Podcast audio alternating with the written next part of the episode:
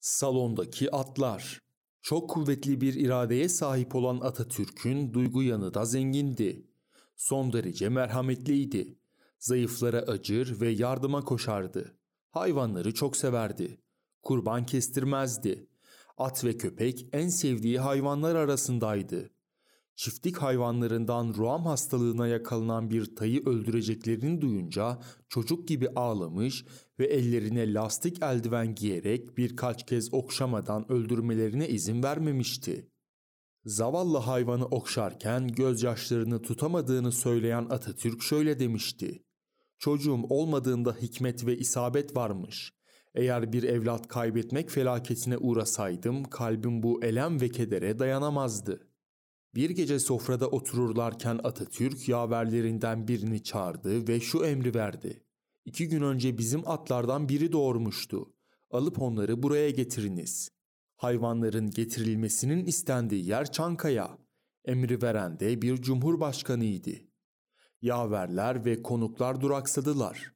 Sofradakilerin şaşkınlığı henüz geçmeden yine Atatürk'ün sesiyle irkildik. Sevelim, görelim, okşayalım. Köşke hem de şeref salonuna hiç hayvan girer miydi? Fakat emir emirdi işte. Yeni doğan Tay ve annesi Yıldız hemen köşke getirildi. Ama hayvanlar bir türlü salonda yürüyemiyorlar. Ciralı yerlerde ayakları kayıyordu. Hemen yerimden fırladım. Aklıma bir çare gelmişti. Yerlere serili seccadeleri topladım. Tay ve annesinin geçeceği yere serdim. Hayvanlar bakıcıları Seyiz Kerim'in yedeğinde rahatça salona girdiler. Fakat şunu da söyleyeyim ki hayvanlar salona daha çok yakışıyorlardı. Jockey diye anılan Seyiz Kerim sonradan Ankara'da büyük bir oyun salonu açmıştır. Atatürk'ün hayatta kalan hizmetindeki insanlardan Doktor Kemal şoför, Niyazi şoför, İbrahim sofracı, İsmail Berber, Ali Necami bunun kahvesinde toplanıp eski anılarını tazelerler. Atatürk o gece Çankaya'daki şeref salonuna alınan hayvanların yanında kaldı. Eliyle anne ile yavrusuna kesme şeker yedirdi. Ayrı ayrı sevdi, okşadı. Bundan sonra hayvanlar salonu terk ettiler. Herkes memnundu. Kimin aklına salona hayvan sokmak gelir? Belki de bir atla yeni doğmuş yavrusunun Cumhurbaşkanı salonuna girişi yeryüzünde ilk kez olmuştur. Atatürk kimsenin yapmadığı, yapmaya kalkamayacağı işleri yapan çok yürekli bir kişiydi. Böyle olmasaydı bu kadar kısa sürede yepyeni bir ülke ve uygarlık kuramazdı. Siz senyorsunuz. Çankaya Köşkü'nde ara sıra da poker partisi verilir ve Atatürk oyun salonunda çoğu zaman kazanırdı. Bir akşam yine köşke yeşil çuha masanın çevresinde 10-15 kişi kadar toplanmışlar. Poker oynuyorlar. Derken para bitiyor. O zamanlar üzerlerinde kurt resmi olan yeşil 1 liralıklar vardı. Meclis dağılırken bakanlar, milletvekilleri Atatürk'ün elini öpüyor, çıkıp gidiyorlardı. Atatürk elindeki paraları antrede çıkanlara kendi eliyle dağıttı. Ama para bitmemişti. Kalan demeti bana uzatarak kalanları say dedi. Hemen saydım. 12 efendim. Paraları bize verecek sanmıştım.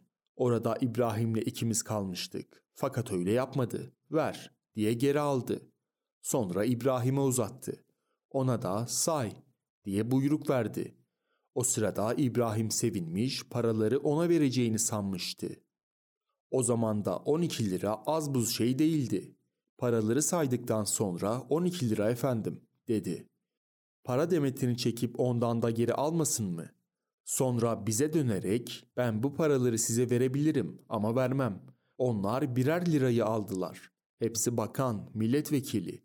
ihtiyaç içindeler. Fakat sizin durumunuz iyi onlardan. Siz senjörsünüz. Gazinin sofrasından yiyip içiyorsunuz. Ne aile geçindiriyorsunuz ne de masrafınız var dedi. Aslına bakarsanız Atatürk'ün eli biraz sıkıydı. Çok cömert insandı diyemeyeceğim. Kendi malını milletin malı olarak kabul ettiğinden midir nedir? Oldukça tutumlu davranırdı. Sonunda da tüm malını yine millete bırakıp göçtü. Kendisinden sadece 12 yılda bir kez İstanbul'a giderken 100 lira haçlık almışımdır. Bunu kendisi vermişti. Öbür aldıklarım küçük bayram harçlıklarıydı.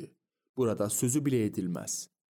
Atatürk yatmaya gittikten sonra İbrahim'e dönüp meğer biz senyörmüşüz de haberimiz yokmuş. Keşke senyör olmasaydık da o paralar bizde kalsaydı diye takıldım. Köylünün eşeği. Güzel bir sonbahar günü Etimeskut çiftliğine gitmiştik. Atatürk otomobilden inip biraz yürümek istedi. Biz de arkasından gidiyorduk. Yaverleri ve köşk polisleriyle arkasındaydık. O sırada karşı patikadan eşeğiyle bir köylü belirdi. Ben Fox'la oynaştığım için biraz gerilerde kalmıştım. Atatürk'ün köpeği Fox yabancıyı görür görmez her zaman yaptığı gibi havlayarak üzerine saldırdı. Hayvanı tutmak istedimse de başaramadım. Bir anda ne olduğunu anlayamayan köylü elindeki sopayı olanca hızıyla Fox'a doğru salladı. Bereket ki sopa hayvana gelmedi. Hemen köylünün yanına koştum. Sen çıldırdın mı be adam diye çıkıştım. Şu sopa fırlattığın köpek kimin biliyor musun? Köylü dikleşerek sordu. Ne olmuş sanki? O köpek Gazi'nin köpeği. Bunu duyunca köylünün korkudan sıvışacağını sanmıştım. İstifini bile bozmadı. Sonra şu beklenmedik karşılığı verdi. O Gazi'nin köpeği ise bu da benim eşeğim. Gazi bir köpek daha bulur. Ama ben bir eşek daha alamam. O sırada aramızda geçenlerden habersiz yürüyüş yapan Atatürk uzaktan köylüyle tartıştığımızı duymuş, ne oluyor orada diye seslendi. Eşeğin kendisine ait olduğunu söylüyor bu köylü, dedim. Yanıma gelince de olayı başından sonuna dek anlattım. Atatürk söylediklerimi dikkatle dinledi. Kızacağını sanmıştım. Başını sallayarak, köylü doğru söylemiş, dedi. Gerçekten de öyle. Bir daha nereden eşek bulacak? Tayyare piyangosu. Bir akşam sofrada içki üzerine konuşuluyordu. Kadehler havaya kalktıkça çeşitli görüşler ortaya atılıyor, içki yapan yerli fabrikaların kurulması düşüncesi savunuluyordu. Önce bir bira fabrikasının kurulması tartışılmaya başlandı. Bira fabrikası yapılsın, güzel ama gerekli yatırımı nereden bulacağız? Atatürk sermaye konusunda ileri sürülen istekleri gülümseyerek dinliyordu. Sonunda hiçbirini gözü tutmamış olacak ki son umut olarak bir tayyare piyangosu bileti alınmasına karar verildi.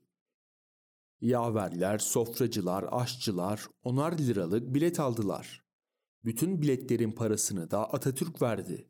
Kimin şansına çıkarsa bununla bira fabrikası kuracağız, dedi. O gece 30-40 kadar bilet alınmıştı. Birkaç gün sonra piyango çekildi. Fakat Atatürk'ün aldığı da içinde olmak üzere hiçbirine bir şey çıkmadı. Yalnız benim biletime amorti çıkmıştı. Atatürk yine bir gece sofrada biletlerin ne olduğunu sordu. Sonucu öğrendikten sonra da en şanslı adam Çelebi'ymiş dedi. Bu yarışta hepimizi geride bıraktı. Edvar Bianco Orkestrası 1929 yılında Ankara'ya Arjantin'den bir müzik topluluğu gelmişti.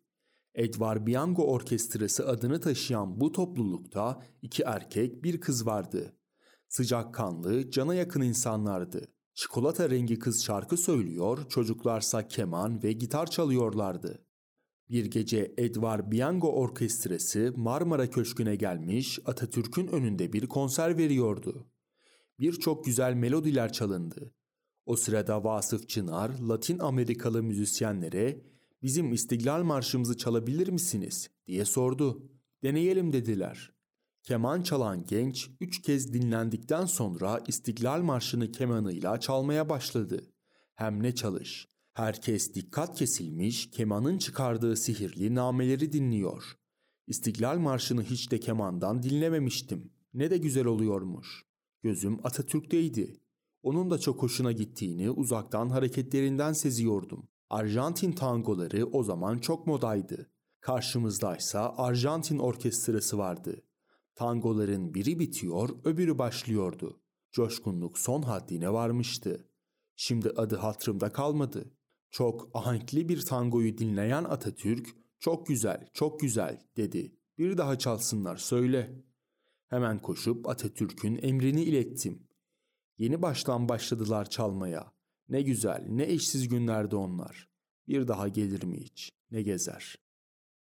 Viyana'dan gelen koltuk.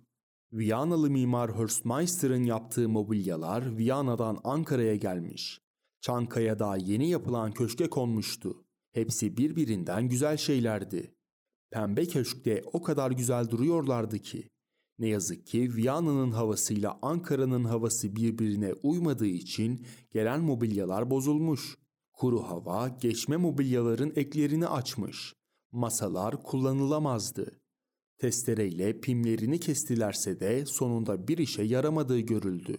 Viyana'dan gelen eşyalar arasında Atatürk'ün oturması için özenle yapıldığı belli olan bir de koltuk vardı. Bu büyük koltuğu kapıya koyduk. Atatürk uyuyordu. Uyanınca ona sürpriz yapacaktık. Atatürk'ün uyumasını fırsat bilip hemen koltuğa kuruldum. Ne güzel, ne rahat koltuktu öyle. Sanki kemiklerim dinlendi. Kalkmak bile istemiyordum. Atatürk uyanınca koşup yeni koltuğunun geldiğini söyledim. Gelip koltuğa oturdu. Ama oturmasıyla kalkması bir oldu. Yüzünü ekşiterek hiç de rahat değil dedi. Paşam biraz önce tecrübe etmek için oturmuştum. Bana rahat gibi geldi dedim. Bizim eski koltuklar daha rahattı. Ne vardı bunu uzak yerlerden getirtecek dedi. Koltuğu kaldırdık. Bir daha da o koltuğa oturmadı.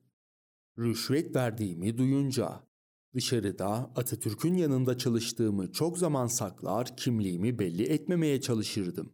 Trende, vapurda yarenlik edip de kim olduğumu soran çıkarsa ticarethanelerde çalıştığımı söylerdim.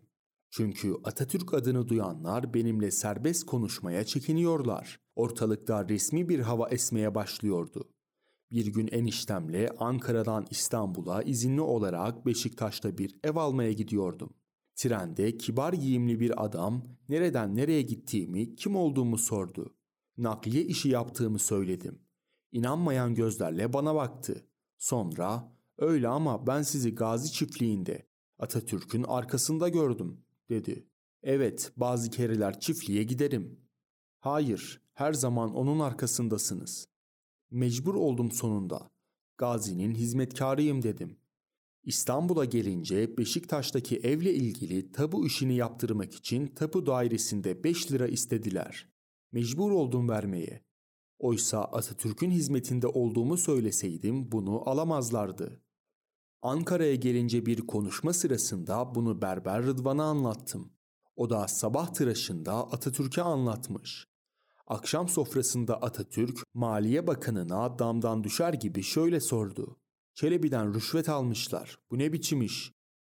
Bakan bir anda ne diyeceğini şaşırmış. Yanlışlık olacak paşam diye kapatmaya çalışmıştı. Atatürk durumu benden öğrenmek istedi. Hepsini bir bir anlattım. Trendeki konuşmayı da nakletmeyi unutmadım. Bunun üzerine Atatürk bir anısını anlattı. Bir gün iddiatçılar zamanında Selanik'ten Fransa'ya kaçıyor. Bindiği vapurda yabancı bir kadınla karşılaşıyor. Kadın Atatürk'e soruyor. Ne iş yaparsınız? Gazeteciyim. Hangi gazetede çalışıyorsunuz? Bir gazete adı uyduru veriyor o anda. Kadın inanmayan gözlerle Atatürk'ü süzüyor. Sende sivil davranış yok, askersin. Neden? Elbisenin altında padufla. Bu sivil adam işi değil, askersin. Bunun üzerine Atatürk kadını kameraya götürüyor.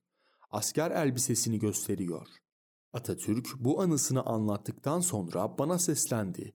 Çelebi efendi, senin de sivil olmadığını anlamışlar, dedi.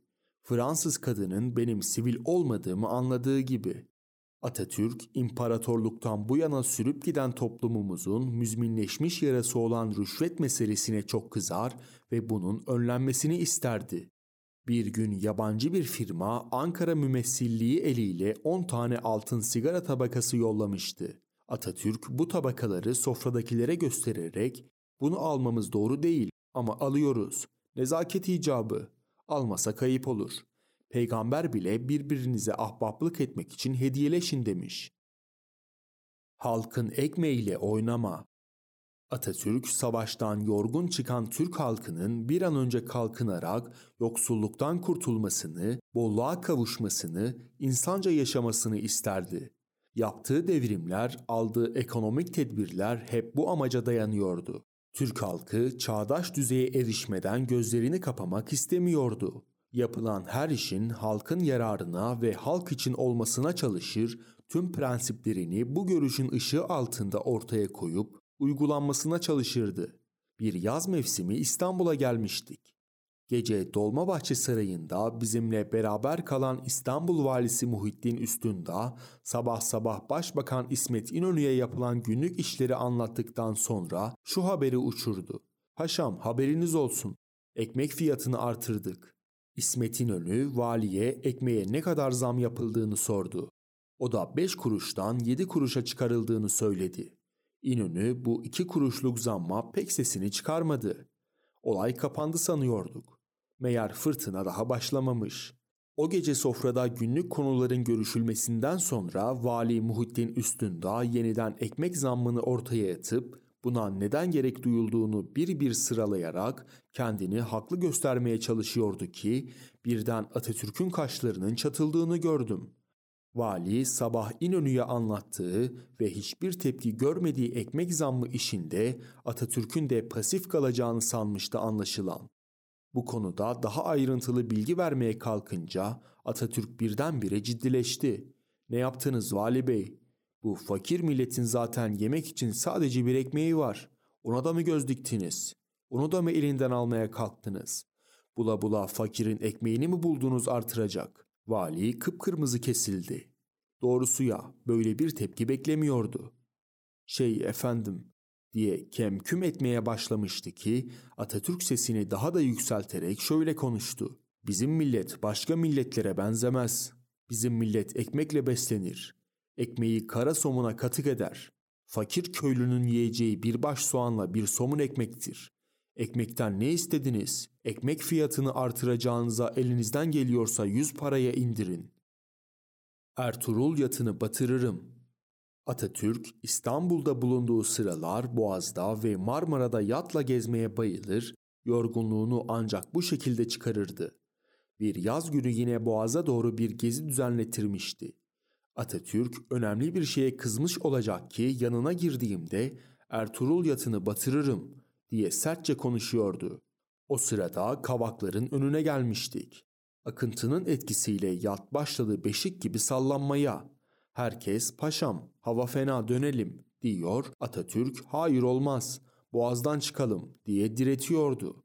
Boğazdan çıkarak Zonguldak'a gidilmesi isteniyordu. Tam o sırada yatın güvertesinde Seyrü Sefain İdaresi'nin müdürü Sadullah Bey'e rastladım.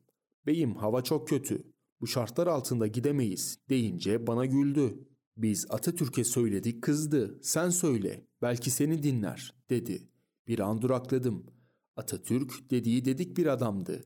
Bir şeye karar verdi mi onun üzerinde diretmek boştu.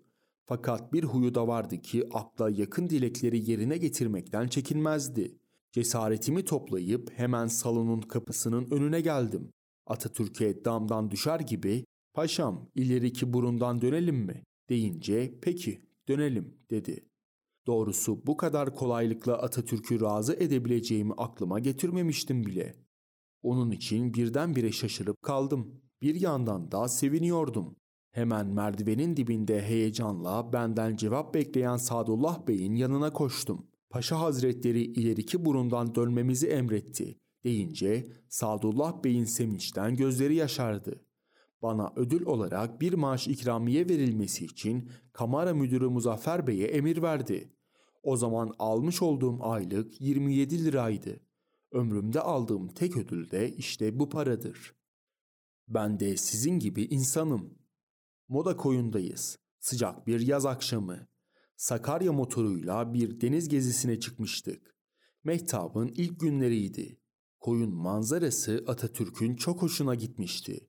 Fenerbahçe'deki Bellevue gazinosunun açıklarında motorun demirlenmesini emretti. Motorda Atatürk'ün birkaç yakın arkadaşı vardı. Yabancı kimseyi almamıştı. Maksat şöyle bir başını dinlemekti. Atatürk bize buraya geldiğimizi kimse görmesin. Elektrikleri de söndürüp kendi kendimize rahat bir şekilde yiyip içelim. Mehtap da hazır dedi. Güvertede karanlıkta yenilip içilmeye başlandı. Eşsiz bir geceydi. Fakat daha 15 dakika bile geçmemişti ki çevremizin sessiz sedasız sandallarla çevrilmekte olduğunu gördük. Güya kimsenin haberi olmayacaktı. Oysa halkın baskınına uğramıştık. Atatürk etrafımızın sarıldığını görünce karanlığın anlamı kalmadı, elektrikleri yakın dedi. Ortalık ışıyınca beyaz yazlık elbiseleriyle gecenin içinde Atatürk'ün heybetli vücudu bir heykel parlaklığıyla ortaya çıktı. O an denizin ortasında bir alkış sesi yükseldi. Işıkların yanışıyla bizim orada olduğumuzu öğrenen başka sandallar da kafileye katıldılar. Öyle ki yarım saat sonra Sakarya motorundan sandaldan sandala basmak suretiyle karaya geçilebildi.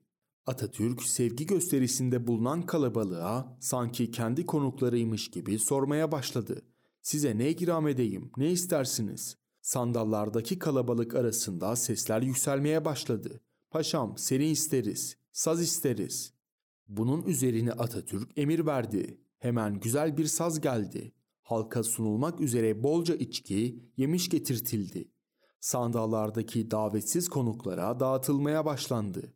Halk Atatürk'ü yakından görebilmek için toplanmış birbirinin üstüne çıkıyordu. Görülecek manzaraydı bu. Atatürk bir ara eliyle beni çağırdı. Rakı, şarap ne varsa hepsini halka dağıt. Bana da bir şişe bırak dedi. Ben de ne kadar içki varsa orada bulunan herkese dağıttım. Yarım bardak kadar rakı kaldı. O sırada futbolcu Fazıl gelmişti. Kalanını da ona verdim. Çok sevindi. Gazi bize rakı verdi, yaşasın be diye bağırmaya başladı. Kalabalığın çemberi gittikçe daralıyordu. Atatürk halka dönüp Alaturka mı Alafranga mı istersiniz diye sordu. Deniz kızı Eftelya gelene kadar müzik çalacaktı. Herkes ayrı bir şey istedi. Bağırış çağırış gırla gidiyor.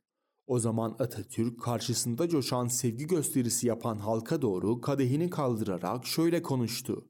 Vatandaşlarım buna rakı derler. Vaktiyle padişahlar gizli içerlerdi. Ben açık içiyorum. Siz de benimle beraber içiyorsunuz. Karşılıklı içiyoruz. Hepimiz eşitiz. Benim için rakı içer, şunu bunu yapar diyorlar. Ben bunların hepsini yaparım. Hepsi doğrudur. Neticede unutmayın ki ben de sizin gibi insanım. Sizinkinden bir fazla değildir yaptıklarım. Kafanı kullan. Dolmabahçe Sarayı'ndan Balkan devletleri heyetleri için mükellef bir büfe hazırlamıştık. Sofrada bir kuş sütü eksikti. Her şey yerli yerinde. Böyle sofraya insan oturmaya kıyamaz. Sofraya geri geri çekilerek uzaktan bakıyor, bir yandan da keyifle ellerimi ovuşturuyordum. Öyle ya, bu da bizim eserimiz ne de olsa. Tam o sırada Atatürk çıka geldi.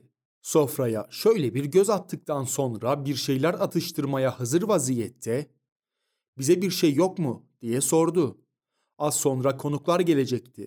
Sofra bozulmasın diye hemen Atatürk'ün önünde eğildim. Balkona buyurun, oraya getirsinler, dedim. Oysa sofrada her şey vardı, hem de hazır, yenilecek cinsten. Atatürk'ün yüzü birden değişti. Ya demek öyle, bizim burada yiyecek, içeceğimiz yokmuş, diye söylendi. Balkona gidelim, oraya getirilecekmiş. Atatürk bu sözleri yanında bulunan Fethi Okyar Meclis Başkanı Kazım Özal başyaver Celal'e dönerek söylemişti. Onlar balkona yönelirlerken başyaver bana dönüp yavaşça ''Çelebi ne yaptın? Böyle konuşulur mu?'' diye söylendi. Ne yapalım sofranın kenarı güllerle işlenmiş. Şimdi oturdular mı işin zevki kalmayacak. Bozuldu mu ayıp olacak. Koskoca Balkan devletleri temsilcileri. Ne derler sonra arkamızdan? Boş ver Cemal yemediği iyi oldu. Sonra iştahı kapanır. Sofrada bir şey yemezdi diye kendime avuttum.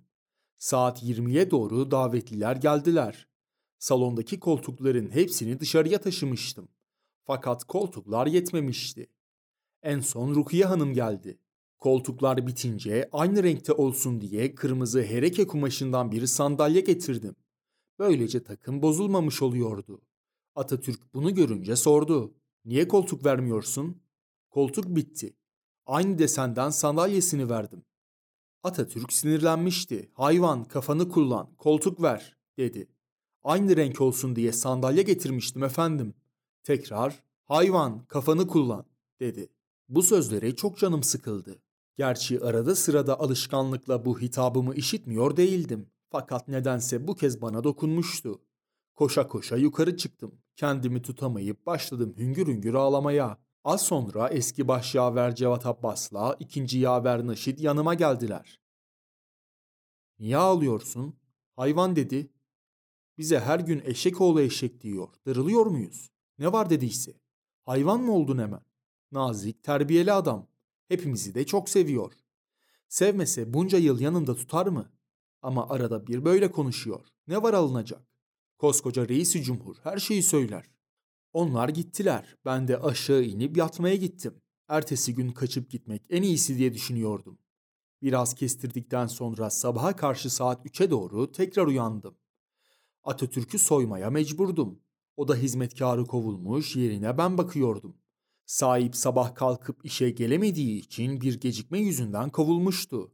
Çok güzel, paşazade gibi kibar bir çocuktu. Fakat 15 gün sonra tekrar işe aldılar. İşte o gece kendi işim yetmiyormuş gibi onun işini de ben görüyordum.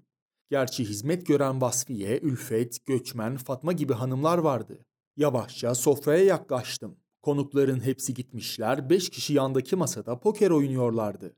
Atatürk, Recep Peker, Nuri Conker, Adalı Ayşe Hanım, Rize mebusu Hasan Cavit, Tahsin Uzer, bugün gibi hepsi aklımda. Hangisinin nerede oturduğu gözlerimin önünde. Bir kenarda durup oyunlarına bakıyordum ki beni gördü. Beni bırakıp kaçarsın değil mi? Hem de en çok lazım olduğun zaman. Birkaç saat önce elimi smokinimin yeleğine takmış, hem ağlıyor hem gidiyordum. Meğer görmüş benim gittiğimi. Oysa ben farkında bile değil sanıyordum. Paşam şey diyecek oldum. Hayvansın, nereye gitsen yine hayvansın, dedi. Oyun bitti, peşinden yürüdüm. Odasına girip yattı. Yatarken zile bastı. Famduşambur geldi. Bizim işimiz bitmişti. Dönüp yatmaya gittim. Büyük adama hizmet ne zordu ya Rabbi. Armut dilimi. Bir yaz yine İstanbul'daydık. Büyükada Yat Kulübü'nde bir balo veriliyordu. Sofra hazırlanmış, konuklar yerlerini almışlardı. Neşeli bir hava içinde geçen yemeğin sonuna doğru Atatürk meyve istedi. Yemek pek yemezdi. Çerezle idare ederdi. Meyveye ise dönüp bakmazdı bile. Başı hoş değildi meyveyle. Bu yüzden meyve isteyişini biraz garip karşıladım. Hangi dağda kurt öldü acaba? diye aklıma koyarak hemen meyve tabağından bir armut aldım. Süratle soyup 3-4 dilime ayırdım. Önüne koydum, iştahla yedi. Konuşmaya daldı. Ne kadar zaman geçti bilemiyorum. Yeniden seslendi. Çelebi efendi meyve getir. Yediğini unuttu sandığımdan mı ne? Yediniz efendim deyince kıyamet koptu. Hayvan yediğimi sana mı sordum? Gene istiyorum. Ben hayretler içinde yeni bir armudu soyarken çevresindekilere döndü. Ben böyle söylüyorum ama siz aldırmayın bu Konya çelebisidir. Bakmayın böyle söylediğimi. Biz askerlikten gelen alışkanlıkla bazen böyle sözler sarf ediyoruz. Bunlar benim askerlerim. Davullu Opera Dolmabahçe Sarayı'nda hususi dairede bir akşam sofrasındaydık. Davetliler yerlerini almışlar, henüz herhangi bir konu üzerinde tartışma açılmamıştı. Radyo açık. Sözüm ona şarkılar çalınıyor. Ama ikide bir dom, dom diye parazit yapıyor. Baş sofracı İbrahim ne o Cemal ne oluyor diye sordu. Ne olacak radyo değil davullu opera dedim. Bu sözüm üzerine ikimiz de gülüştük. Atatürk'ün gözünden kaçmamış gülüşümüz. Meğer göz ucuyla hizmetkarlarını izliyormuş. Gülüşlerimizden huylanmış olacak ki beni yanına çağırdı. Ne gülüşüyorsunuz diye sordu. Ben de anlattım. Radyodaki parazite at taktığımı, davullu opera dediğimi falan filan. Benim bu sözlerime inanmamış olmalı ki bu kez İbrahim'i çağırdı. Aynı soruyu ona da sordu. Ne gülüşüyorsunuz? O da aynı şeyleri anlatınca yalan söylemediğimizi anladı. Kim bilir belki de sofradakilerle alay ettiğimizi, içkilerine gülüştüğümüzü sanmıştı. Öyle olsaydı hapı yutardık. Atatürk bizleri yalan söylemediğimiz, dal kavukluk yapmadığımız, her şeyi açık açık önünde konuştuğumuz için severdi. Yoksa onun hizmetinde 12 yıl barınabilir miydik? Davullu opera sözü hoşuna gitmiş. O gece açın şu davullu operayı dinleyelim deyip durdu. Kimse onun kadar güzel Allah diyemez. din konusunda Atatürk'ün tam anlamıyla layık olduğu söylenebilir. Kimsenin inancına karışmaz, dindar kişilere saygı gösterir, yobazlara, softalara çok kızar, din kavramının sömürülmesine asla izin vermezdi. Allah ve peygamber konuları Atatürk'ün yanında tartışma konusu yapılamazdı. Onun için dindar bir adam denemez. Bir gece sofrada peygamber üzerine bir konu açılmıştı. Atatürk'ün dindar olmadığını bilenler ona yer almak için peygamberi küçültür şekilde konuşmalar yapıyorlardı. Atatürk bu konuşmalardan sıkıldığını belli etti. Elini masaya indirerek bu bahsi kapatın. Peygamberleri küçültmek isterseniz kendinizi küçüldürsünüz, dedi. Konuşmalarında din sorununa değindikçe ciddileşir, adeta kendine çeki düzen verirdi. Bu konuda düşüncesini açmazdı. Atatürk harbiyede okurken abdestsiz olarak toptan namaza giderlermiş. Orduya katıldıktan sonra da cepheden cepheye koşmaktan namaz kılmaya vakit bulamamış. Anlattıklarına göre 2. Abdülhamit'e genç subaylar el öpmeye gelirmiş. Padişah el vermez bir paçavra sallar, gelenler onu öperlermiş. Bir gün huzura genç bir subay çıkmış. Paçavra falan öpmemiş. Bir selam çakıp soldan geçmiş. Padişah kim bu adam diye sormuş. Mustafa Kemal demişler. Sürün bu adamı. Abdülhamit onu sürünce bir cuma namaza gider. Hem de alayla. Sultan Hamid'in Yıldız Sarayı'na gidişi gibi. Cumhuriyetin ilanından sonra din ve devlet işlerini birbirinden ayırınca rahat bir nefes almıştı. Laikliği çevresindekilere aşılamayı başarmıştı. Benim yanında bulunduğum süre içinde hiç namaz kılmadı. Oruç da tutmadı. Ramazanlarda içki içer fakat Kadir gecesi ağzına kadresini koymazdı. Kadir geceleri sofra bile kurdurmazdı. Saygısı büyüktü. Bazen mevlid dinlediği de olurdu. Sofrada Hafız Yaşar Bey'in mevlidini saygıyla dinlerdi. Mevlidin Miraç bölümünde göklere çıktı Mustafa denince gözleri yaşarırdı. O zaman hemen kolonya götürürdük. İnanışı samimiydi. Bence Allah'a inanıyordu. Öyle Allah derdi ki yalnız kalınca. Onun gibi kimse diyemez. Herkes çekilip yapayalnız kalınca gökyüzüne bakar, kendi kendine Allah derdi. Böyle güzel Allah diyen adam yoktur. Atatürk'e geri kafalı softalar, yobazlar dinsiz demişlerdi. Oysa kasıtlı olarak yapılan bu yakıştırma düpedüz iftiradan başka bir şey olmamıştı. Bir gün sofrada çevresindekilere bana Allah'ın büyüklüğünü anlatır mısınız diye sordu. Konuklar birer birer Allah'ı nasıl anlayabildiklerini anlattılar. Çoğu ipe sapa gelmez şeylerdi. Hepsini dikkatle dinleyen Atatürk, hepiniz Tanrı'yı ayrı ayrı görüyor ve büyütüyorsunuz. Anlaşılan Allah herkesin kafası kadar büyüktür, dedi.